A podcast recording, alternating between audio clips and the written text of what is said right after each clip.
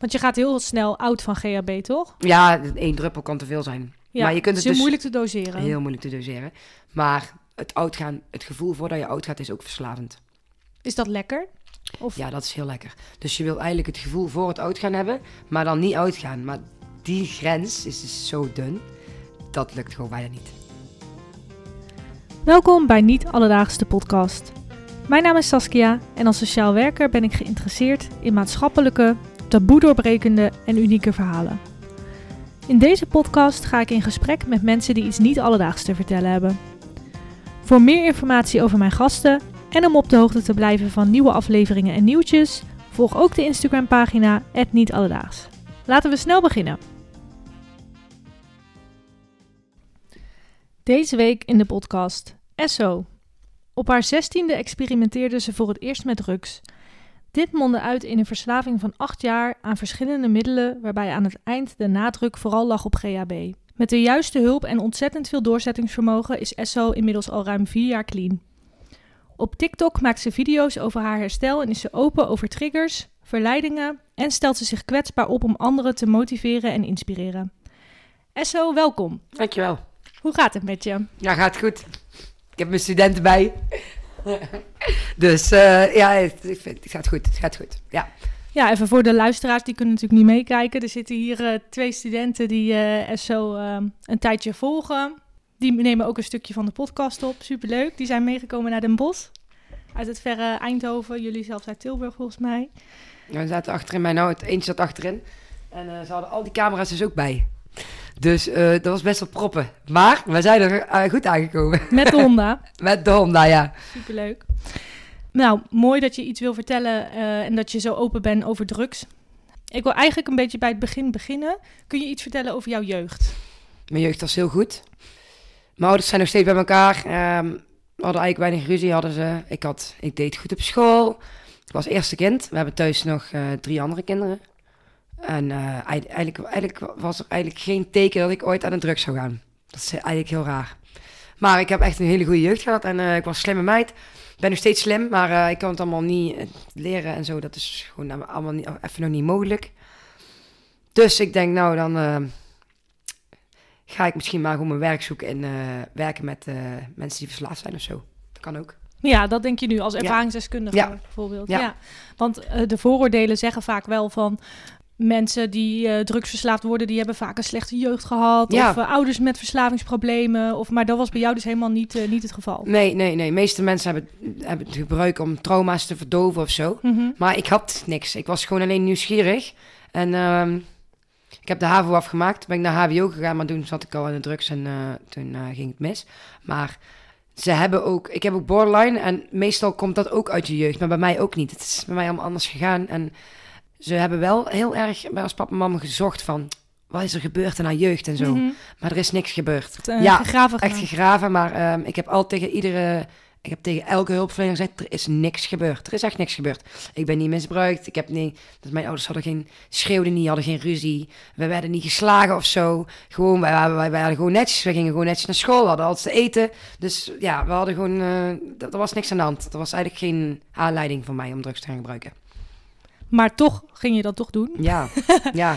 je was 16 jaar toen je voor het eerste keer uh, ging experimenteren met uh, ecstasy. Ja. Kun je daar eens iets over vertellen? Hoe was die eerste keer? Ja, de meeste beginnen met blowen, maar ik begon meteen met pillen. Um, de eerste keer was geweldig. Als ik eraan denk, dan, dan word ik er wel vrolijk van. Maar ik had eigenlijk na de eerste keer al meteen zoiets van... oké, okay, volgend weekend weer. En daar had ik eigenlijk bij in kunnen grijpen. Maar dat weet je niet, je bent te jong. Hmm. Tweede keer toen... Uh, ging ik naar een feestje en toen stond ons mam daar ineens. Die had ineens... Ja, we hadden toen nog MSN. En tussen de regels door heeft ze begrepen van MSN dat ik dat weer ging doen. En toen stond ze daar ineens bij dat feest. En ik ging zo hard als een trein. Wacht Echt. even, jouw moeder had door via MSN? Ja, dat ik dus weer ergens aan het gebruiken was. Dus die is mij komen ophalen. Oh, dat had zij van iemand gehoord? Nee, ze had mijn, gewoon mijn MSN geopend. Kijk, ik, ben, oh. uh, ik was 16, 15, 15 of 16. En uh, ze had wel in de gaten van dat er dingen waren, maar ze wist niet waar. Dus ze dacht, nou, ik voel iets aan dat het iets niet goed is. Dus ik open naar MSN gewoon even. En uh, toen daarna stond ze ineens bij de uitgaansgelegenheid. En toen had ik dus op dat moment pillen op. En daarna heb ik echt nog een paar keer pillen gedaan, maar toen zag ik overal een smam. Dus ja, de eerste keer was wel heel leuk, maar de tweede keer was het minder. En was ze boos? Hoe Ja. reageerden je ouders daarop?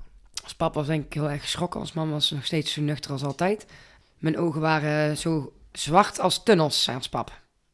Maar je kunt je voorstellen dat je dan ecstasy op hebt. En ehm je bent dan heel energiek en je zit vol leven. Maar je ouders nemen je mee naar huis en je zit in bed te kijken naar plafonddienst, zeg maar. Ja, dat, ik weet nog wel dat ik echt lang... En de volgende dag moest ik mijn bed uit en toen moest ik een gesprek aangaan. Ah, ja, dat was ook kloten. Maar eh, ja, Dat heeft je er toch niet van weerhouden om het nog een derde, vierde, vijfde keer te doen? nee, nee, ik ben gewoon doorgegaan en daarna is het eigenlijk allemaal heel snel gegaan. Ik was ook eigenlijk zo verslaafd, bedenk ik me nu. Mm, maar ja, je grijpt er niet in zo jong. Je ziet, je ziet nog niet in waar je op afstuift, zeg maar. Want ondanks ehm, het gesprek met je ouders die volgende dag, dacht je dan niet van oei, dit, ik ben nu te ver gegaan, ik moet nu echt even... Ja, ik weet niet meer helemaal hoe het gesprek ging. Maar ik kan me niet voorstellen dat het perfect ging. Ik denk dat ik daarna alleen maar daardoor... Ja, ik weet niet, ik weet niet. Mijn, mijn, mijn lijf en mijn brein vonden het veel te leuk om te gebruiken. Hmm. Ik was meteen hoekt, zeg maar. Dus eh, ja, dat, ik, weet, ik weet niet wat, wat... Hun hadden toch niks kunnen doen. Het was toch, ah, het was toch verder gegaan, denk ik. Ja. En het bleef niet alleen bij ecstasy. Wat heb je daarna nog verder gebruikt? Ketamine, cocaïne, ehm 2CB. Ehm, ik was verslaafd aan Ritalin een tijd. En ja, alcohol, blowen. Ik heb eigenlijk alles wel bijna gedaan, behalve echt tripmiddelen. LSD en zo heb ik nooit gedaan, want eh, voor tripmiddelen moet jij je eigen goed voelen. En ik zat niet goed in mijn vel. Ik wist dat ik een gestrest persoon van binnen was. Toen al. Ja, toen al, ja, ik was altijd wel ehm druk in mijn hoofd. En ik was altijd wel, ehm, ook omdat ik toen al problemen had veroorzaakt thuis, waar je toch mee zit. Ik heb dat niet gedaan. Tripmiddelen, LSD en paddo's en truffels heb ik allemaal niet gedaan. En ehm, voor de rest wel. Ja, heroïne ook niet trouwens. Dat vond ik ook te ver gaan. Ehm, en deden jouw vrienden dat ook? Ja, ik had wel allemaal, ik had het allemaal wel, het was allemaal wel in de buurt de druk, zeg maar. En tegenwoordig is de druk steeds duurder aan het worden. Maar toen was alles echt helemaal niet duur. En ehm, Want waar praten we nu over? Hoeveel jaar geleden? Je was 16? Of, of, of was je toen al wat ouder? Toen je die andere ik was middel... 7, 7, 17, ja, is vanaf tussen mijn 16 en mijn eh 18, of nee, tussen mijn 16 en mijn 19 heb ik wel echt alles geprobeerd. Dus dat is nu 15 jaar geleden ongeveer? ik ben nu 32. Ja, oké. Dus ehm, ja, het is, maar, maar heel mijn drugstijd is ook een beetje een waas, want ja, je bent zo lang wakker en je gebruikt zoveel en dan word je gewoon ook... Ja, je, je, je, mijn geheugen is er wel op achteruit gegaan, zeg maar. Dus ik, soms weet ik ook niet meer van... Waar, waar heb ik nou meegemaakt, op welke tijd? Maar ik weet wel dat het, dat het veel is. Dus Mhm. ja. Ja. En had je een bijbaantje of hoe, kon je dat bekostigen? ja, ik werkte bij de Jumbo toen. Maar dat ging ook al steeds verder fout. Ik, ik ging toen al van baan naar baan. Van naar baan, naar baan, naar baan. Eh, en dat hoort ook wel bij borderline, dat je baan niet lang houdt. Maar dat hoort, borderline hoort ook drugsgebruik bij. Ja, eh, misbruik van middelen, dat hoort daar heel erg bij. En, en dat, dat kan, als je borderline hebt, kan je dat eh, in ieder geval wel dat probleem hebben. En dat maakt het natuurlijk alles nog moeilijker. Als je Mhm. ook nog drugs gebruikt en je hebt borderline terwijl je dat nog niet weet. Ja, dan, dan ja, dat is gewoon moeilijk. Ja, en we hadden het net voor de, voor de opname al even over eh, borderline. En dat- dat vaak inderdaad is dat het voorkomt uit een trauma. Of Ja. eh, ehm, jij zegt dat is bij mij niet het geval. Ehm, denk je dat het gebruik of jouw verslaving invloed heeft op de borderline of andersom? Ja. Dat dat een het ander getriggerd heeft? Ja, ik denk het wel, want meestal komt het uit je jeugd, maar bij mij komt het niet uit mijn jeugd, want daar hebben ze ook echt naar gezocht. En toen zei de psycholoog, nou, er zijn gevallen van mensen die borderline hebben ontwikkeld tijdens hun puberteit of zo. Nou, dat kan bij mij dus ook. En ehm, als jij maar, en ik heb genoeg trauma meegemaakt, ook ehm, gewoon veel verdriet, ook gewoon verlatingsangst had ik heel erg. En ook vaak dat ik me eigen alleen voelde. Dat ging ik maar gewoon gebruiken, maar dan trigger jij wel andere dingen, denk ik, in je Mhm. hersenen. En kwam dat uiteindelijk door de drugs, denk je? Of was dat iets wat je met drugs wilde oplossen? Of allebei? Ja, allebei. Allebei. Ja, allebei. Zeker. Zeker allebei. Hm. Want het is eigenlijk een beetje een wisselwerking. Je houdt, het ene houdt het andere in stand. Ja. En dan blijf je die cirkel houden. En daar moet je uit. Ja. En dat is het moeilijkste. Die En- cirkel doorbreken. Ja, want je bent op een gegeven moment dacht jij het is genoeg, ik ga naar de afkeerkliniek. Ja, ik was alles kwijt. Ik was mijn hond kwijt. Eh, ik was mijn, eh, dat is het belangrijkste. De, de laatste waar ik kwijt kon raken was mijn hond. Ik raakte in een psychose omdat ik te snel stopte met de GHB. En toen, ehm, daarna was mijn, ik wou stoppen voor mijn hond, want ik dat die normale, nuchtere baas kreeg. Want mijn hond was ook aan het afglijden. En ehm, ja, toen eh, wou ik stoppen en toen raakte ik in een psychose. En nadat ik uit die psychose kwam, was mijn hond, die hadden had mijn ouders in laten slapen. En Oh, wat erg. ja, dat is heel erg. En ehm, daar kon ik ook geen afscheid dus van nemen. Maar die hond was inmiddels al mij aan het bijten. En ja, die had ook alles meegemaakt. Het was een Amerikaanse Stafford. En eh, het had een beetje knik in zijn hoofd, leek wel. Alleen ja, ik, ik wou echt wel, wel mijn hond weer terug. Dus eh, ik zeg, nou, ik ga naar de kliniek. Ik ga mijn leven opbouwen. En dan kan ik weer een hond. Mhm. En dan kan ik gewoon mijn, le- dan heb ik mijn leven daar weer terug. Dat moet ik hebben, want ik was alles kwijt. Ik had schulden, ik was mijn baan kwijt, ik was twee auto's kwijt, ik was mijn rijwijs kwijt, mijn relatie was kut. Ehm, mijn hond kwijt, maar ja, thuis ging het niet goed. Woonde je toen nog thuis? Nee, nee, was, toen was ik, eh, ik, ik woon in Winterhee. En ehm, ja, Winterhee eh, is echt een dorp van twee straten, dus daar weet iedereen ook alles. Ehm, daar heb ik helemaal op zijn kop gezet. Ehm, ik denk dat ze nou nog weten wie ik ben. Dat is helemaal niet gunst, helemaal niet positief of zo, maar dat was echt, dat was het einde. Dat was echt de, ja, ik ging toen echt naar de bodem, zeg maar. En toen ben ik naar de kliniek gegaan, maar je moet dan nog wachten, want je hebt de wachtlijst. Ja. En dan zit je weer tussen wal en schip. En dat vind ik heel erg voor mensen. Dus ik hoop dat iedereen die mijn verhaal hoort, gewoon aan die nog aan het wachten is op de kliniek, denkt van: oké, het komt wel. Ik moet het alleen nog even volhouden. ja, Ja. want zo is het in Nederland inderdaad geregeld. Ehm, de wachten, wachtlijsten voor de GGZ, maar ook voor verslavingsklinieken, die zijn gewoon echt super lang. Ja, Had jij een bepaalde voorkeur voor een eh, verslavingskliniek? Want je, ik weet dat je ook bijvoorbeeld naar... eh, sommige mensen gaan naar Zuid-Afrika om af te kicken. ja ik, of- eh, ik heb niks met Zuid-Afrika, want dan ben jij daar. Je zit daar in een dikke villa, waar ik, heb, van, waar ik van iemand heb gezien. Je zit echt in een heel mooi huis. Je hebt geen contact, je hebt, je hebt geen contact met de buitenwereld. Je hebt hele heftige therapie. Maar ja, wat dan? Je komt terug in Nederland en dan heb je al die dealers weer die op je afkomen. En Ja. al die triggers. En daar heb jij niet mee kunnen oefenen. En ik heb, ehm, ik heb de eerste keer had ik Ritalin-verslaving. Daar ben ik van naar Novidik gegaan. Ik wou weer terug naar Novidik. Maar ik heb, ben weer naar Novidik gegaan. Laat- Kentron, hè? Dus Ja. een verslavingsinstelling. Ja, ik ben naar Vught gegaan. En, eh, In Vught, ja. ik zat op de dubbeldiagnostiek. En dat was op de high care. Omdat ik ook eh diagnose weer opnieuw eh, wou weten. Want ik, die borderline was bij mij geconstateerd onder invloed. Maar dat is nuchter nog een keer geconstateerd. En ik, wou, ik wist dat je bij Novidik gewoon verlof kreeg. Je mag gewoon je telefoon meenemen. Je mag gewoon jouw Playstation meenemen. Je mag gewoon jouw tv meenemen. Gewone dingen die jou een beetje afleiding geven van alle moeilijkheden, moeilijkheden die je daar binnen krijgt. Die mag je bij Novidik binnen hebben. En dat vond ik belangrijk. Ik vind het belangrijk. Andere klinieken, klinieken nemen soms jou, pakken ze je telefoon af. Mag je maar 10 minuten in de week bellen. Waarom zou je dan ook nog afgeschermd moeten worden van jouw naasten en zo, die jou misschien steun bieden? Ik vind dat onzin. Ik heb heel veel gehad aan mijn PlayStation en aan mijn Netflixje op, eh, op de afdeling. En ehm, ik vond het belangrijk om, daar, eh, om dat wel te hebben nog. En eh, te kunnen oefenen met eh, vrijheden. Dat kan daar ook. Ja. Want je mag af en toe een weekend weg. En dan gaat het soms mis. En dan kon je daar daarna weer over praten van waarom is het misgegaan. Ja, ik vind het belangrijk dat je wel op verlof kan. En dat jij gewoon wel je telefoon kan behouden. Want het is gewoon normaal in deze tijd. Ehm, ik zie het nut er niet van in dat je niet kan bellen.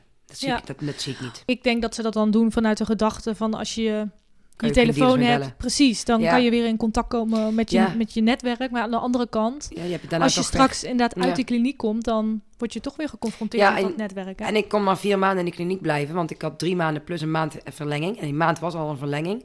Daarna moet je weg. Daarna, jou, jou, je hebt maximaal vier maanden en in die tijd moet jij het regelen. En eh, ik weet niet hoe dat bij andere klinieken is, maar als jij daar, maakt niet uit, al zit jij twee jaar eh, in een kliniek. Als je te buiten komt en je hebt die telefoon weer, heb je toch die nummers weer zo. Hmm. Je hebt, ja, ik zie, ik, zeg- ja, er zal vast wel een reden achter zitten, maar ik zie het. eh, Het beste zou eigenlijk zijn om naar de andere kant van het land te verhuizen. Waar je geen netwerk ja, hebt. klopt. Eigenlijk moet jij ook eh, uit jouw eh, woonplaats verhuizen. Mhm. Maar ik wou Eindhoven niet uit. Nee. Ik ben naar een andere wijk gegaan gewoon. In Eindhoven weet ik alles. Ik ben vertrouwd daar. Ik heb daar ook nog contacten zitten die niet gebruiken. Die gewoon nooit gebruikt hebben. Dus die ik ook wou eh, behouden. Ehm, ik wou terug naar Eindhoven. En ik ben terug in Eindhoven gegaan. Dus was, we af en toe zie ik nog steeds natuurlijk dealers die ik ken. Maar ehm, ja, dan moet je doorheen. Oké, nou toen ben je dus uit die afkikkliniek gegaan. Vrij snel daarna ben je toch weer teruggevallen. Ja, de eerste keer wel. De eerste keer eh, had Mhm. ik geen natraject. Een natraject is heel belangrijk. Voor iedereen die luistert. Natraject, regel je natraject goed in de kliniek. Want dat is echt belangrijk. Want ik viel daarna gewoon in de gat. Ik had mijn medicijnen had ik eigenlijk in de kliniek. Nou, die, had ik, die kreeg ik niet mee naar huis. We waren ze gewoon vergeten. Ehm, ik had ook geen begeleiding daarna. Vergeten. Ja, vergeten. Die moest Klinkt ik een daarna- beetje slordig. Ja, klank wel eens, inderdaad. Maar ze zijn ook wel, denk ik, onderbezet hoor, in de kliniek. En eh, Ja. ze hebben weinig... eh, Ja. Ik denk dat ze wel, als ze meer mensen hadden, kunnen ze ook meer doen.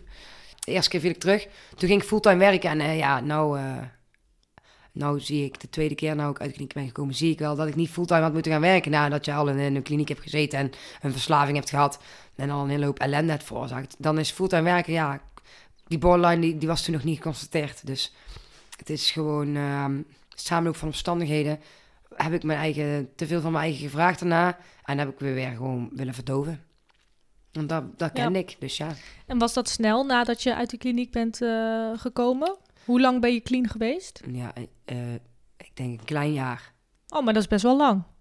Ja, ik denk dat dat nog lang is. Ik denk een kleine drie kwart jaar. Want weet je, ehm, ik ben zelf gestopt met roken. Dat is natuurlijk niet te vergelijken met een Ja, maar drugsverslaving. het is wel echt ook echt roken, stoppen met roken is ook echt moeilijk. Ik vond dat heel moeilijk. En Ja. ik kan me herinneren dat ik op een gegeven moment... eh, ik was gestopt en na een paar maanden dacht ik... Nou, ik heb nu bewezen dat ik het kan. Ja, Dan kan ik alweer een keer een... eh, dat. En, Precies dat, zo'n beloningje, hè? en ja, ik Ja. werk ook wel eens met verslaafde mensen.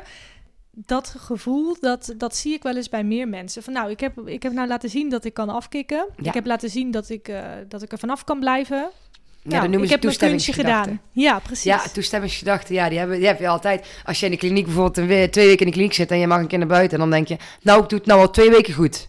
Snap je? Ik wil mezelf belonen. Ik wil mezelf belonen. Ja. Oh ja, dat is nou, maar nou doe ik dan maar andere dingen. Nou eh, ga ik bijvoorbeeld naar een feestje of ik ga gewoon een keer. Hè, ik heb ehm, laatst een eh, heel mooi nieuw jasje gekocht, dus ik dacht van, nou, daar zijn ook beloningjes. Ja, zeker. Dus je moet het in andere dingen eigenlijk zoeken. Ja, Ja. maar ehm, je moet het niet, bijvoorbeeld niet zoeken van, oh, nou, ik heb nou eh, beloning. Oh, nou ga ik even GB halen. Nee, dat moet je het niet doen. Nee, nee. ja, toen op een gegeven moment was GHB is echt jouw, Ja. jouw middel. Ja, jouw was mijn, eh. Ik was ook niet meer vrolijk en GHB maakte mij wel vrolijk. Want GHB was gewoon mijn vrolijkheid in een dopje. En nou heb ik daarbij van mezelf. Mhm. Maar dat duurt even voor jouw vrolijkheid terugkomt. Dat moet allemaal... dat vlammetje moet weer Ja, dat vlammetje moet weer aanwakkeren, ja, inderdaad. Dus, en de dopamineafgifte moet weer op normaal peil komen. En dat Ja. is dan eh, helemaal even helemaal uitgeput. Dus ja. Want jij deed ook zelf GHB maken. Ja. Kun je eens vertellen hoe dat gaat? Hoe maak je dat? ja Voor ik, alle Ik luisteraars. ging eh, naar de kruidvat en daar haalde ik eh gootsteenstopper. Ja, als ik het nou vertel, denk ik echt van, hoezo drink je dat op? En dan haalde ik eh, GBL, dat is een soort velgenreiniger, haalde ik wel bij een soort van dealer. En dan, en dan water erbij. Kun je dat ook niet gewoon eh, ergens kopen? Ja, wel als je, een schoonmaakbedrijf, eh, als je een schoonmaakbedrijf hebt wel. Maar eh, dat wordt steeds, steeds verder aan banden gelegd. Ehm, en dan, eh, eigenlijk moest het met, eh, moest het nou met gedestilleerd water volgens mij. Maar ik deed er gewoon water bij en dat werkte ook. Dus ehm, ja, dan maak je dat en, en, en je, je ziet die chemische reactie, maar je denkt niet van, oeh, Dat zal vast wel ongezond zijn. dat denk je Nee, niet. dat denk je Jij niet. denkt alleen, ik heb het nodig. Ja, Dus ehm, ja. ja, dat is eigenlijk heel raar. En weet je, je weet toch wel dat het slecht voor je is. Wat ik net ook zei over Ja. roken. je weet het inderdaad. Je weet toch wel dat het slecht is. Ja. Dat weerhoud je er niet van op dat moment om het te Nee, gebruiken. iedereen weet, nee, nee, iedereen die rookt weet dat het slecht is. Ja. Dus ja. En iedereen die geen gebruikt weet dat ook. ja, ja, iedereen die drugs gebruikt weet dat ook. Dus dit is, eh, op dat moment zijn jouw principes anders. Mhm. Dus ja. En merkte je ook dat je op een bepaalde manier egoïstisch werd? Dat je, dat je, dat je dingen deed die je nu in nuchtere toestand nooit meer zou Eh, doen? nou, ehm, ik heb eh, heel veel geld weggehaald bij mijn ouders en bij mijn broertje, en bij mijn zusje en eh, ja, bij mijn schoonouders ook. Dus ehm, dat is wel een bepaalde vorm van egoïsme, denk ik. Mhm. Ehm, maar gelukkig kijken we nou met z'n allen ook vooruit. en dat is ook echt verslavingsgedrag. Ja, echt. Zeker, ja, zeker. Ik had liever drugs dan Manipuleren. dat ik eten ging halen. Ja. En eh, manipuleren, ja, heel erg. En bij mijn vriend, ja, bij mijn vriend heb ik eigenlijk nooit iets gestolen. Mm, bij mijn vriend was altijd eh, gewoon goed. Op Maar jullie zaten ook in hetzelfde schuitje. Ja, klopt. Maar het was wel zo bijvoorbeeld als we GB hadden en hij had dat hij zei je moet het niet pakken, want je hebt al te veel op.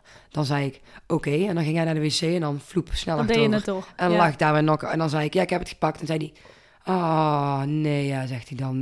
Dan kan ik je daar weer gaan slepen. En dan, dan had hij daar geen zin in, want dan wist hij dat ik weer oud ging. En dan moest hij mij weer neer gaan leggen of, ja, zulke dingen. Want je gaat heel snel oud van GHB, toch? Ja, één druppel kan te veel zijn. Ja, Maar je kunt het is dus- moeilijk te doseren. Heel moeilijk te doseren. Maar het oud gaan, het gevoel voordat je oud gaat, is ook verslavend. Is dat lekker? Of... Ja, dat is heel lekker. Dus je wil eigenlijk het gevoel voor het uitgaan hebben, maar dan niet uitgaan. Maar die grens is dus zo dun, dat lukt gewoon bijna niet. Want het klinkt ehm, niet echt zaligmakend. Het klinkt, Nee. het klinkt niet echt lekker. De hele tijd Nee. oud gaan en dan lig je daar ergens zo op zo'n Ja, grond. ja, en dan kan iedereen alles mee doen. Gelukkig is dat nooit gebeurd, want ik was altijd wel in een veilige omgeving. Ehm, ik had ook altijd mijn hond bij, die mij echt beschermde met zijn leven. Maar die was afgepakt, toch? Dat was, na- dat was net voordat ik naar de kliniek ging, dus toen was ik al ja. in een veilige omgeving. Maar op straat heb ik mijn hond bij gehad. Ja, Daarom is hij ook afgeleden op straat, jongen. Een hond maakt alles mee, hè. Dus sneu. ja, het is echt zielig. Maar eh, ik ben wel blij dat hij... Hij is nou eh, in de hemel. Want alle honden gaan naar de hemel. Dus ja, dat is wel, was wel echt zwaar om dat te verwerken. Mhm. dat is wel mijn hond. Maar ik heb nou wel een nieuw hondje en die is geweldig. Dus, Xena en die- Xena, ja. En Xena is goed opgevoed. Ze is wel een beetje druk. Hè? Ehm, maar eh Xena is, eh, is mijn trofee, ja. Ja. Mooi. Nou, ik ben zelf ook een dierenvriend, dus ik kan me echt heel goed voorstellen Ja, dat dat ik eh, moest eerst- dat je je kindje is. Ja, echt. Het is echt mijn kindje, ja. En met mijn auto erbij. Maar mijn hond is echt... ik moest ook... Ik had een Amerikaanse Stafford en de Staffords hebben een slechte naam. Dus ik wou... Mijn vriend zei, nou, dat is goed, ik pak een andere hond. Maar ik wilde niet meer zo'n grote hond. Ik zei, nou, dan pak een Engelse Stafford. En hij dacht, oh, dan gaan we weer. Dus wij gaan kijken met hem en eh, bij die fokker. En we gaan buurt en zo. Nou, en we, zijn, nou, we kwamen daar al niet weg. En toen mochten we haar ophalen. En eh, ja, zei hij, hij is Als zo puppy? gek maar. Ja, als puppy. Ja, ik heb wel, met acht weken had ik er. En eh, hij is zo gek met haar en zij met hem. En mijn schoonvader zei ook, nou, ik ben anders tegen deze honden aan gaan kijken nu. Dus, en dat was mijn ding. Ik wou kun je zeggen, zie je wel, die kunt ook, daar zijn ook goede Staffords. Want het zijn geweldige dieren. Ehm Troy, zijn moeder had er ook eh, twee volgens mij. Dus ja, Troy, die, eh, had, ik heb Xena laatst meegenomen naar Troy. En eh, ja, daar vond eh Xena helemaal geweldig. Dus ehm, ja, het zijn hele mooie dieren, maar je moet ze goed opvoeden en heel consequent zijn. Leuk. Ja, want even voor de luisteraars. de vorige aflevering eh, was Troy Champagne Ja, in de podcast. En toevallig kennen Esso en Troy elkaar Ja. ook. En die Ja. komen ook wel eens bij elkaar op zo- bezoek. Dus dat is eigenlijk super toevallig. Ja. Dus dan weten jullie een beetje hoe dat in elkaar zit. Eh, GHB, zelf maken. Je ging steeds meer, meer, meer gebruiken. en op Ehm, een duur, wel, als ik, als ik mij kut voelde, dan, dan dronk ik mezelf gewoon oud. Pakte ik gewoon twee doppen en denk, ja, dan lig ik in ieder geval even onder zeil. hoe, lang, ge- hoe lang duurde dat? Je gaat oud en dan? Wanneer Ja, word je wakker? Ligt eraan, als jij heel veel te veel gepakt, dan lig je misschien wel zes uur oud. En dan word je soms op de E- EHBO wakker, want dan bellen mensen de eh, ambulance. Logisch, want ze weten niet hoe je wakker... Dus die, ze krijgen je niet wakker. Maar mijn vriend bijvoorbeeld, die liet me gewoon liggen op mijn zij. En dan keek hij af en toe of nog ademen. En dan, hij weet toch wel, hij wist van, die wordt toch wel wakker. Je wordt wakker. Dat is zo. Dat is zo. Ja, ja volgens mij wel. Ik heb een. eh, ik ken. Er zijn gevallen bekend van mensen die zijn gestorven aan GHB, maar dat is altijd in combinatie met geweest. En alleen GHB kan je niet echt doodgaan. Er zijn weinig sterfgevallen van alleen GHB. Want ik hoor wel altijd dat mensen zeggen van... eh, je pakt heel snel een overdosis G. Maar dat is Ja, dus dan... Is Als je dat doet, ga je dus oud. Ja, dat is de overdosis. Ja, je pakt heel snel een overdosis. Maar ik ben ook zo vaak in het ziekenhuis wakker geworden. Op de eh, eh, EHBO. En dan had ik had die dingetjes op mijn lijf. En dan dacht ik van jongens, ik word wakker. Ik kan nou gewoon... Ja, het is natuurlijk niet te bevatten voor zo'n dokter. Je kunt eh, echt wel aan dood gaan. Maar dat is dan omdat je je eigen misschien doodrijdt tegen een boom. Omdat je oud gaat. Of dat je... Mhm. Hè, of je, of je, ehm, je hebt al hartproblemen of je hebt er heel veel bij gedronken. Daar zijn wel gevallen van bekend dat mensen echt heel erg dronken waren en dan GHB bij hebben gepakt. Ja, dan wordt het nog extra versterkt. Maar ik heb nooit echt... En dan wordt het doseren ook moeilijker, denk ik. Ja, ja zeker.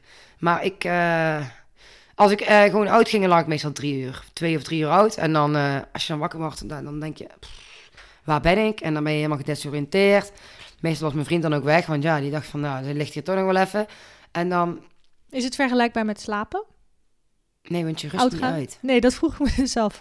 Nee, je rust niet uit. Was dan maar. Dan Ja. had ik veel geslapen Ja. die jaren. ja. nee, eh, dat s'nachts ook. Dan moest ik een dopje pakken en dan ging ik oud. En dan werd ik wakker als het uitwerkte. Maar slaap, je slaapt eigenlijk niet echt. Ik was ook echt moe in de kliniek toen ik aankwam. Ik kwam helemaal verzwakt binnen. Ik heb echt even paar dagen tot mijn eigen moeten komen. En eh, flink veel geslapen. Maar eh, de kliniek is een veilige plek en dat is fijn. Dus je weet van, oh, nou ben ik gewoon in goede handen. Wat was voor jou het punt dat je dacht, klaar ermee. Ik ga nu voor de tweede keer de kliniek in. Toen was ik alles kwijt. Hond dus, eh, auto's. Dat was de tweede keer. Dat ik, tweede keer dacht ik echt van, nou wil ik de kliniek in en ik wil er nu vanaf. ja, hond, auto's kwijt, rijbewijs kwijt, werk kwijt, een relatie kut. Dus ja, dat was allemaal... dan, als je die bodem... En sta je op straat met een verslaving, dan raak jij die bodem zo hard. De enigste weg die je hebt is omhoog. Mhm. Dus daarom zei ik altijd, als mensen mij berichtjes sturen van... Oh, eh, zo, eh, ik weet niet wat ik moet doen. eh, ik heb een verslaafde broer of zus of moeder of vader. Ik zeg, het enige wat je kan doen is zorgen dat diegene in de bodem raakt. Dan gaat hij wel nadenken. Mhm. Maar als jij blijft onderhouden en je blijft diegene geld geven... en bijvoorbeeld peuken en drank of zo, weet je, weet je wel? Ziet iemand geen noodzaak om... Nee, want dan blijft het toch onderhouden worden. En dan, dan ja, dan enable je diegene, zeg maar, gewoon. Mhm. En dat is gewoon... Ja, ik, ik ben er, sta er niet achter. Nee. Gewoon alles, gewoon je handen eraf trekken, dat is, dat is waar ik al denk. Dat komt omdat mijn ouders stonden wel altijd voor me klaar nog tijdens mijn verslaving. Maar er was geen plek voor mij in huis. En dat ook niet toen ik op straat stond. Hebben ze best wel af en toe gedacht van... Als papa, eh, misschien denk ik eerder van, oh, zullen we er naar huis halen? Nee, mama zei consequent, nee, dat kan hier niet. Nou, en dat kon ook niet. Is dat ze- goed geweest? Ja, is heel goed geweest.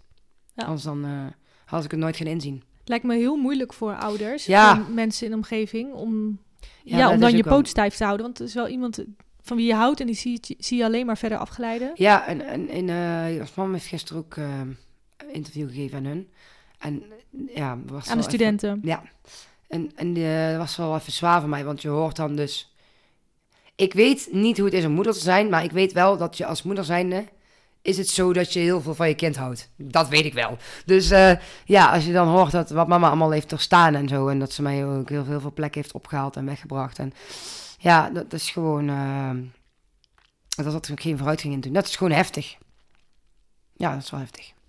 Dus een tip die je hebt voor naasten, familie, vrienden. Ja. Trek op een gegeven moment je handen ervan af. Ja, ja, je kunt ze altijd wel... Kijk, je kunt... Zorg wel dat je telefoon aanstaat, dat ze je kunnen bellen en zo. Want ze, hebben af en toe wel hulp nodig. Maar nee, als jij al een eh, goed lopend huishouden hebt met drie andere kinderen... die het wel goed zijn best doen... dan, kan, dan heb je daar geen ruimte voor een verslaafd bij. En dat is gewoon logisch. Ik vind dat logisch. En eh, eh, ja, in de kliniek van er ook niet raar te kijken hoor. Want in de kliniek, mijn, mijn vader en moeder kwamen nog op bezoek. Maar van heel veel kinderen daar, of jongeren of volwassenen bedoel ik... van heel veel volwassenen daar, kwamen de ouders niet meer. Of, snap je, die hebben het te bond gemaakt. Ja. Ik heb het ook bond gemaakt, maar gelukkig heb ik mijn ouders nog wel. Ja, nou dat is wel echt heel Ja. mooi. Ja, eh, ik zei net al tegen jou, ik ben maatschappelijk werker. Ik kom ook wel eens verslaafde mensen tegen in mijn, in mijn werk. Wat heb jij voor tips voor hulpverleners? Ja, gewoon zorg, probeer ze te begrijpen, ook al lukt het misschien niet altijd. Luisteren, dat is altijd al heel fijn. En eh, gewoon er voor ze zijn. Sommige mensen voelen zich zo alleen en onbegrepen. En eh, gewoon, gewoon eh, ga een stukje samen lopen, want dan heb je ook niet die setting van eh, Mhm. een tafel. Computer. Ja. Ja. gewoon lekker samen even het bos in gaan lopen. Dat deden mijn begeleiders ook wel eens. Gewoon even, ja, laat merken, niet- laten merken dat je echt een, be- een begeleider bent. Maar Mhm. gewoon dat je gewoon iemand bent die er Ja. voor diegene is op dat Dat je op moment. hetzelfde niveau zit. Dat je op hetzelfde van mens tot mens. Ja, mens tot mens, zeker. Mooi. En denk jij ook dat ervaringsdeskundigheid helpend is? Ja, ja, want dat wil ik worden. Dus eh ervaringsdeskundigen, die snappen het tot in de kern. Die snappen het echt. Helemaal. Ja. En eh, daar trek je naartoe. Mhm. En dan voel jij je meteen, dat begrip voel je dan meteen. En jij snapt, als je dan een terugval hebt gehad, of een uitglijder, dan, eh, en je gaat naar die ervaringsdeskundige toe, die snapt dat je dat hebt gehad. En een, ja, een begeleider snapt het ook wel, maar vanuit het boekje. Mhm. Dus dat is, dat is het moeilijke eraan. Ja. En dat is niet erg vanuit het boekje. Kijk, het is kei fijn dat die mensen er zijn. Ik heb, me echt, ik heb echt heel veel gehad aan de mensen die het uit een boekje hebben geleerd. Dus, eh, maar ik heb, je hebt net een stapje extra in die ervaringsdeskundige. Ja, dus mooi eigenlijk als je dat kan koppelen. Ja, zeker. Ja, dus en mensen uit het boekje of, Ja. erva- of ervaringsdeskundigen die ook nog eens... Ja, Eh, hebben geleerd. Ja, ja. ja, ja, ja, ja. ja. Dus volgend jaar ga ik eraan beginnen als het goed is. Ik ben nou met de cursus bezig, want dan was een aansluiting erop. En eh, Een soort voortraject of zo. ja, ik moet een cursus moet ik volgen, twee cursussen. Herstellen doe je zelf en werken met eigen ervaring. En dan kan ik met de opleiding beginnen. Dus daar ben ik nou mee bezig. Ja, dat is wel fijn. Gaaf, Ja, mooi. Ehm, nou, tweede keer eh afkeerkliniek. Toen kwam je daaruit, was je clean. Eh, en dan? Je hebt schulden opgebouwd. Ja. Je hebt helemaal niks meer. nee, nee. ehm, ik heb in de kliniek eh, had ik recassering. Ehm, die hebben mij geholpen bij eh, ehm, een bepaalde instantie in Eindhoven. Die zorgt dan voor ehm, huisvesting, zeg maar, voor mensen die net uit detentie komen of uit de kliniek. Eh krijg je een gedeelde woning, had ik. Ik woon heel lang alleen daar, gelukkig. na die gedeelde woning kwam ik eh, in een ander, in een doortraject. Dat is een stichting door. Dat, ja, dan krijg je ook woonbegeleiding nog en zo. En begeleiding vanuit de gemeente vaak. En na een jaar, dan wordt die doorwoning, die wordt op jouw naam gezet. Dus dan wordt die, Mhm. zeg, heb je- wordt die omgeklapt op jouw naam. En eh, ja, toen kon ik weer een hond. Dus, eh, en de schuldsanering is gewoon eh, in gang gezet vanuit mijn bewindvoerder. Had je een hoop schulden? 40.000 euro, ja. Poeh. En er zat ook de uithuisplaatsing bij, want ik ben een keer uit mijn huis gezet. En dat huis was helemaal overhoop gehaald. En zat een heel veel... Ja, Door daar komen, door, mij. Door, Door mij jezelf? en door mijn hond. Mijn hond die niet alleen thuis kon zijn, die alles kapot had gebeten. Het was gewoon vies en, en on- onrein. En, en ze moesten echt alles weggooien. Er stonden echt twee vrachtwagentjes van één van Hezen. En er stond nog een andere instantie. Ja, en dat, dat, dat rekenen allemaal door natuurlijk, hè. Dus ja, ik stond iets van eh, woning, woningstichting stond iets van 5000 euro al. Van, eh, ja, bij mijn schulden zitten ze al. En dan ook nog die uithuisruiming was ook nog 7000 of zo. Dus dat is al 12.000. Dus ja, ja, dit bond gemaakt. Maar ik moet er doorheen en ik hoef nog maar een jaar en dan ben ik daar vanaf. Wow, Dus mooi. Dat is fijn. Hoe werkt eh, een schuldsaneringstraject? Kun je dat eens een beetje uitleggen? Ehm, volgens mij. Oh, je mag geen nieuwe schulden maken, anders word je eruit gegooid. En dan kan je er eh, volgens mij 10 of 5 jaar kan je niet meer erin. Ehm, je krijgt een weekbudget en je hebt een bepaald. Ja, je krijgt ehm, de schuldsanering zelf. Die instantie die kijkt wat voor jou het beste is. Dat jij eh, een afkoopsom hebt of zoiets volgens mij. Dat je bijvoorbeeld e- één keer in, de- dan betaal je één keer in de maand volgens mij een bepaald bedrag. Ik weet niet helemaal, ik, ik ben heel slecht met financiën, dus ik weet niet precies hoe dit werkt. Maar ik ben er in ieder geval over drie jaar vanaf. En dan lossen Ja. ze volgens mij iedere maand iets af. Want heb jij een bewindvoerder? Ja. Ja, en als het goed is, tenminste dat denk ik, dat jouw bewindvoerder dan afspraken maakt met Ja, alle die heeft, ja, daar heeft zij Ja. gedaan. Ja, daar heeft zij gedaan. En, En die, dan maken ze eigenlijk een deal. Want Ja, waarschijnlijk die, die hele deal, 40.000 ga je niet afbetalen Nee. binnen drie jaar. nee, dus eh, en dan krijg je weekbudget. En dan krijg je, ja, kijk, eh, uiteindelijk wordt straks, kan ik wel ruimer gaan leven. Ja, niet meer die prijzen van tegenwoordig. Nee, Maar eh, want dat is wel een probleem ja, dus, voor een hoop eh, mensen. ja, inderdaad. Want wat is dan nu jouw inkomen? Ik heb een ziektewet. Een vervolg, ik heb een ziektewet door mijn ongeluk. Maar die is in de vervolgziektewet nu. Dus ik heb gewoon een uitkering. Oh ja. En ehm, de UWV weet alles wat ik online doe. Ik heb alles tegen hun verteld. Wat ik met mijn verhaal doe. Wat ik, eh, en dat vinden ze keigoed. We waren echt aan het zoeken naar wat ik namelijk ging doen. Maar nu hebben we het gevonden. Ik word ervaringsdeskundige. En eh dat betaalt de UWV ook. En dat is super fijn dat het allemaal bestaat. Mooi. En ehm, ja, ze bellen mij af en toe. En ik hou ze gewoon op de hoogte hoe het met me gaat. En ehm, ja, wat ik nou eh, allemaal weer heb gedaan. Dus volgende keer vertel ik weer over dit. Mooi. Ja, ja. En eh, jij vertelt net na mijn ongeluk. Kun je, je hebt een, ik heb dat ook wel eens op, op je TikTok gezien, dat je een eh, heel heftig auto-ongeluk gehad. En ik zag ook op dat filmpje een blauwe auto die, waar niet eens meer een bovenkant op zat. Ja, ja, die, ja, ja. Kun je daar iets over vertellen? Ja, dat was in, in het begin van mijn GHB-gebruik. En ik was toen ook heel moe. En, sa- en ik was al gestrest. Er waren een hoop dingen aan mijn hoofd. De samenloop van alles eh, maakte dat ik in slaap viel. En Achter tegen een boom stuur. reep. Tegen Ja. een boom ja. En, en mijn... eh, ik had een Fiat Panda en dat was zo'n oud ding. Ja, die, die vouwt snij helemaal op die, om die boom heen. Ik heb heel veel geluk gehad dat ik niet dood was. Maar ja, stond dus ook bij papa en mama politie aan de deur. Van, hè, je dochter heeft zijn eigen eh, tegen een boom gereden. hè. Dus dat hebben ze ook weer. Dat, dat- ik denk dat dat heel heftig is voor ouders. Maar ik, ja, ik zal nooit echt voelen hoe dat voor ouders is. Maar Voel jij je schuldig ehm, tegenover je familie? nee, heb ik wel gehad, maar nu niet meer. Ik, ik laat nou zien dat ik gewoon... Dat was ik niet. Mhm. Dat was ik niet. Ik was, dat was een ander mens. En jouw hele persoonlijkheid wordt veranderd door drugs. Dus ja, dan, dan zie je diegene afglijden. Ja, dat, dat is diegene dan niet meer. Jouw hele brein wordt opnieuw ingesteld als je verslaafd bent. Wordt helemaal op verslaving ingesteld. En dat is ook onderzocht. En dus mijn brein is daar nu nog steeds op ingesteld. Dus ik moet daar nog steeds... Heb ik af en toe superveel zucht. Nou ja, dan moet ik doorheen. Mhm. Maar de ongeluk, ja, dat heeft me wel, nou had me daarna nog niet wakker geschud. Eerst in het ziekenhuis zei ik wel, oh, ik doe nooit meer drugs. Wat had je voor lichamelijke... Want je auto was totaal los, dat kon ik Ja, ook wel zien. een, en eh, verder? Ik had mijn sleutelbeen was gebroken, want ik had mijn riem aan. Mijn linkerbeen stond door de bodemplaat op de grond, want die, de bodemplaat was helemaal rot, maar die was mijn been dus doorheen gegaan. Maar die, daar zie je eigenlijk niks meer van. Maar mijn rechterbeen was echt helemaal verbrijzeld. En doordat ik daarna weer ben gaan gebruiken, want dan komt het besef, als je er eenmaal thuis komt, ben ik maar weer gaan gebruiken. En ik had heel veel pijn. Ik denk, nou, dan gaat de pijn ook weg. Heel dom, maar ja. Ehm, ik had eigenlijk na die drie weken ziekenhuis, had ik gewoon eh er vanaf moeten blijven. Maar dat heb ik niet gedaan. Nee. Daarna ben ik dus verder gaan gebruiken. Door GHB zo groeiden mijn botten niet aan elkaar.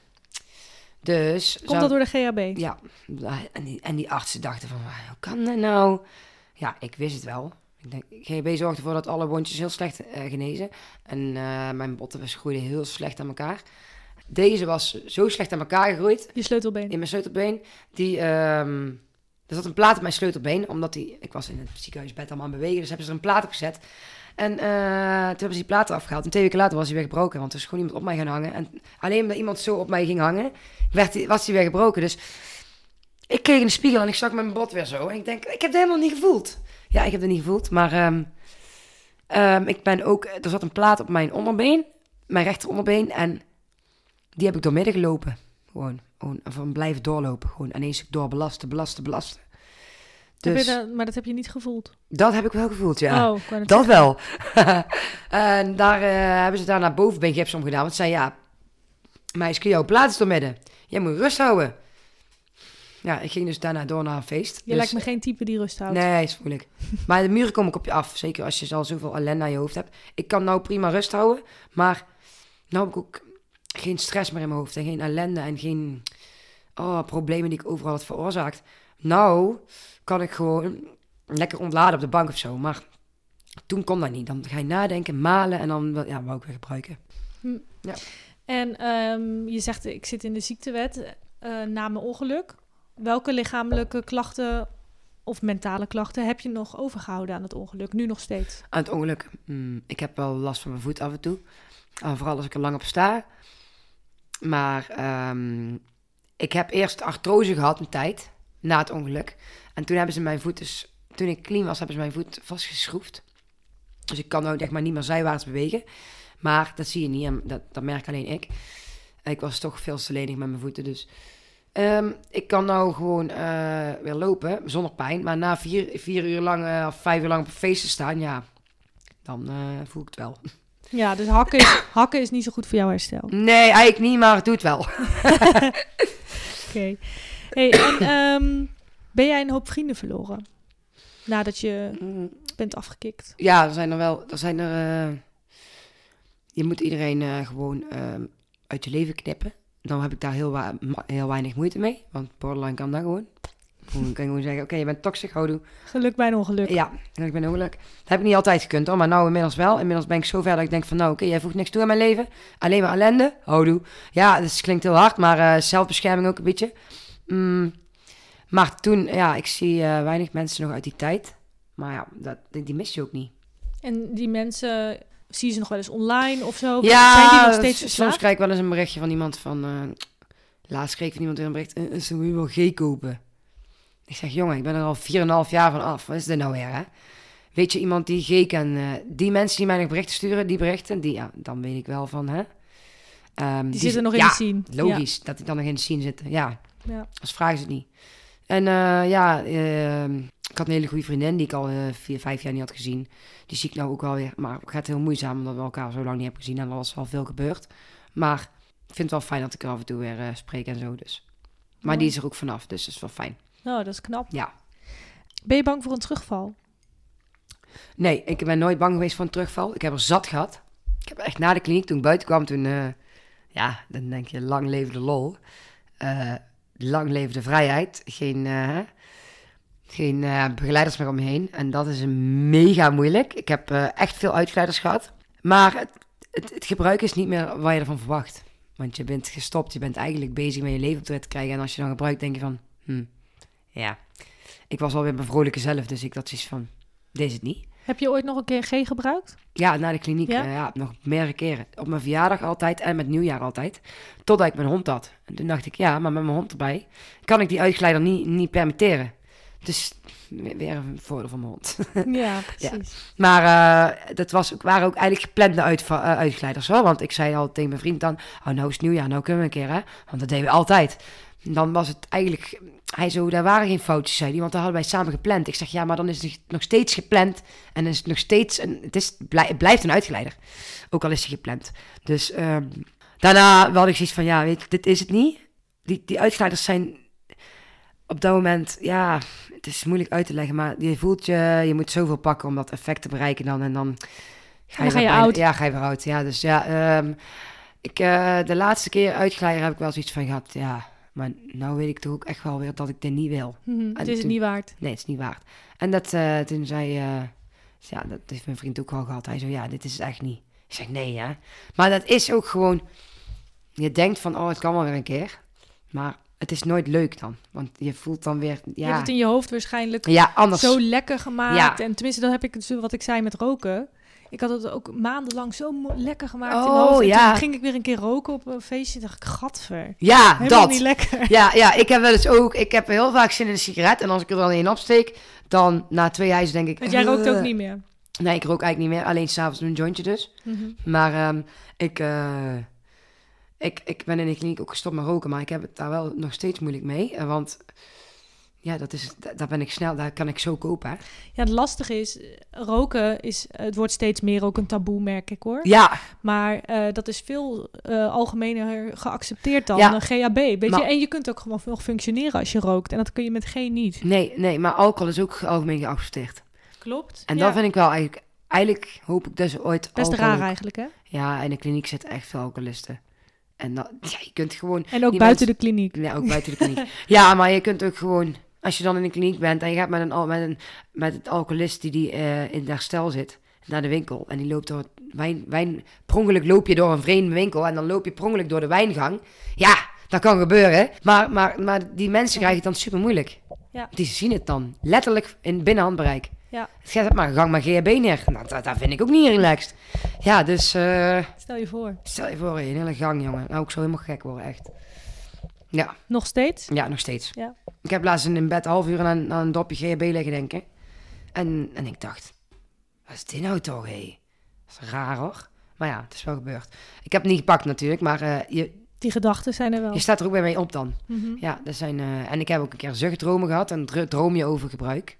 Ja, het zit echt diep in je hersenen. Dat is Mhm. niet normaal. Het is echt diep, diep geworteld. Ja, heel diep geworteld, ja. En dat heb je alleen bij G. Mij bij alle verslavingen. Ja? Kan bij alle verslavingen zijn. Dus je kan ook nog wel eens dromen over koken of... eh, Ja, kan ook. Dat heb ik ook al een paar keer gedaan. Ja, dus eh, En eh, wat zijn je toekomstplannen? Je had het net al over ja, ervaringsdeskundigheid. maar ik wil met mijn vriend nog een, eh, ooit een keer een huis kopen nadat ik uit de schuldsnering ben. En het liefst wil ik ook met mijn social media geld gaan verdienen. Want ja, ik heb gewoon een heel groot bereik. En dat is natuurlijk ook aantrekkelijk voor bedrijven ehm, en adverteerders. Dus ik wil echt graag daarmee geld gaan verdienen. En ik wil ehm, ja, het liefst gewoon een koophuis met garages en een hele loods vol Honda's. Dat is voor Honda's en honden. ja, vanuit een Londen. Ja. Voor nu is dat mijn toekomstvisie. Ik, heb, ik, ik, ik ben al lang blij als ik volgende week nog haal. Dus ja, ik, bij mij, het is echt, ehm, je, je leeft met de dag. Dat zeggen ze in de kliniek ook. Iedere dag is er weer één. Mhm. En daar, daar ben ik nog steeds. Want ik, ehm, veel mensen zeggen, ik krijg ook wel eens opmerkingen op internet van, ja Esso, we weten het nou wel hoor, over je verslaving. Ja, nou, ik ben elf jaar naar de kloten gegaan. Ik blijf er nog elf jaar over praten, minimaal. Dus ja, dan, moet, Ja. dan kan ik het tegen elkaar wegstrepen ja, misschien. precies. En, Maar ja. dan, eh, en dan volg je je niet. Ook goed. Ja, inderdaad, inderdaad. Maar ik, is niet verplicht. ik zei ook altijd, nou, ik help hier zoveel mensen mee en mezelf ook. Dus eh, dan je maar lekker verder. Ja, Ja, want je krijgt ook wel een heel veel positieve reacties, Ja, toch? heel Tenminste, veel. wat ik zie, eh, ja en, tegen, en, en, en, de negatieve reacties, die blok ik gewoon even. Houdoe, weg ermee. ja. Ja, daar heb ik helemaal niks mee. Ik, ik ben zo'n vrolijk mens. Ik kan niks met negativiteit. Helemaal niks. Ik lach er een paar keer om met mijn vriend. Kijk, laatst is wel iets viraal gegaan voor afgelopen week. En dan krijg je echt heftige dumpert en alles over je heen. En dan denk je van, nou, Wat was dat voor iets? Ja, ik had alle stroom in mijn huis. eh. ik had ik probeerde zo, ja, omdat het nou zoveel om de Oh, heb ik stroomprijs is. Ja, die, die is dus op- gedeeld op Dumpert nog en op VK mag en eh, op, op slechtegrappen.xl.nl. Nou ja, maakt me niet uit. Ik vind het leuk om eh, in de publiciteit te staan, maar je krijgt daar wel de nodige shitzooi over je heen. Mhm, want, want- jij had al, al je apparaten aangezet. Ja, maar mijn huis was niet schoon genoeg volgens de mensen. Dus dan gingen ze, "Mm, haal even een doek door die kiet heen of zo, weet je wel. Ja, nee, ik ga niet opruimen van video. Bij mij is what you see is what you get. Ik film altijd zoals het erbij ligt. En daarom, ik ben altijd mezelf, ik ben altijd real. Dus ik ga niet, ik ga niet speciaal opruimen voordat iemand komt. Dat doe ik niet. Ik ben gewoon, op dat moment is dat misschien een rotzootje, dat kan. Maar ik film wel dan. En daar is nogal veel ophef over geweest, ja. En, eh, en als pap zei ook, nou zeg, wat zijn ze allemaal... Als pap was wel geschrokken. Die, Ja. ja. ja, die, die leest dan ook dingen over je kind, hè. Dus ja, en ik zei tegen papa, mama, niet schrikken. Wat jullie lezen Gewoon één oor in, andere oor uit. Verder niks. Gewoon, eh, of doe je ogen maar dicht, zei ik bij die uit. Ik zei, maar ik kan er tegen, dus jullie moeten er ook tegen kunnen. Ja, goed dat je dat Ja. kan. En je hebt Ja. denk ik wel voor hetere vuren gestaan. Ja, ook dat. Ik heb Ja. op straat staan met een verslaving. Ja, iemand die ik niet ken, die kan tegen mij wel iets zeggen op internet. Maar ik ken daar niks mee. Die raakt mij niet. Alleen, Vaak is dat ook een, eh, een tiener van 13 ja, of zo. hè? ook toch Dus, eens. Ja, ja, inderdaad. Dus ja. Nou, dan eh, zijn we eigenlijk bij het laatste onderdeel aangekomen. Dat is de tas van Sas. De tas van Sas. Dit is hem. De tas van Sas. En daar zit een dilemma in. En dan mag jij er eentje, of daar zit een paar dilemma's in. En jij mag er een uit grabbelen. Ik ben heel benieuwd wat jij grabbelt en eh, ja, Ik ook, ik ook. wat je kiest. Oh! een hele dag oppassen op een huilend kind. Of een hele weekje zeurende schoonmoeder op bezoek. Ja, dat is niet zo moeilijk. Een hele weekje zeurende schoonmoeder op bezoek. Ik heb echt een hekel aan kinderen. Ik kan niet met kinderen ik overweg. dacht, nu ga je zeggen, ik heb een hele leuke schoonmoeder. Nee, ik heb, ja, ik heb ook een leuke schoonmoeder, maar ehm, ik kan echt nee, ik wil niet voor niks geen kinderen. Dus Nee, je wil nee, ik heb helemaal niks mee. En, en huilend kinderen, daar, daar komt nog wel, daar heb ik ook al een keer een TikTok over gemaakt. Van eh, dat ik daar echt niet tegen kan tegen dat geluid, jongen. Dat is een van de hoofdredenen dat ik geen kinderen wil. En dan krijg je, ja, nee, daar hoef ik niet over na te denken. Dit is voor mij geen dilemma. Nee. En al heb ik nog de slechtste schoonmoeder ter wereld, dan ga ik er nog voor. Ja, Ja. echt. Je, bent geen, eh, je houdt niet van kinderen, je wil geen kinderen. Nee, nee, ik kan er eh, goed mee overweg gaan. Ik ben, en sommigen krijgen wel zo'n kinderhater. Nee, ik haat kinderen niet. Ik kan goed met kinderen overweg. Ik kan erbij in de buurt zijn, maar ik wil ze niet van mezelf. Die krijgen, eh, mijn vriend wil ze ook niet. Wij, hij is autistisch, ik heb borderline. We hebben allebei verslavingsgevoeligheid. Nou, ik wil, ik, daar ga ik, ik ga, nee, nee. En in deze maatschappij ga ik geen kind ter wereld brengen. Plus erbij, ik heb nou mijn vrijheid. Ik eh, kan overal gaan en staan waar ik wil. En dan moet ik weer oppas regelen. Of moet ik kinderen meezeulen. Ja, dat, dat, dat, dat zie ik niet zitten. Nee. En dan zeggen mensen, je krijgt er zoveel voor terug. Maar ik zie, ik zie dat niet, dat Wat dan? mooie. Ja, wat dan, ja. Een hoop ellende, ja. Ja, dus ik, ik zie dat mooie. Ja, mijn vriend zegt ook, ja, wat krijg je voor terug, zegt hij. Ze maken al je geld op, een hoop gekots en gejank en gescheid. Ja, ik, wij zien het niet, wij zien het niet. Dus wij hebben lekker ons hondje en onze auto's. En eh is wel prima zo eigenlijk. Ja, Mooi. ja. Nou, bedankt voor je openheid, voor je Ja, eerlijkheid. Vond het een En, leuk eh, gesprek. ik ook, superleuk. En dan eh, sluiten we bij deze podcast af. Ja, tof. Bedankt. Ja. Dit was hem dan. Niet alledaagse podcast. Laat me weten wat je van de aflevering vond. En vergeet vooral niet om me te volgen op Instagram, zodat je altijd meteen op de hoogte bent als er weer een nieuwe aflevering online komt. Super bedankt voor het luisteren en tot de volgende keer. Doei doei!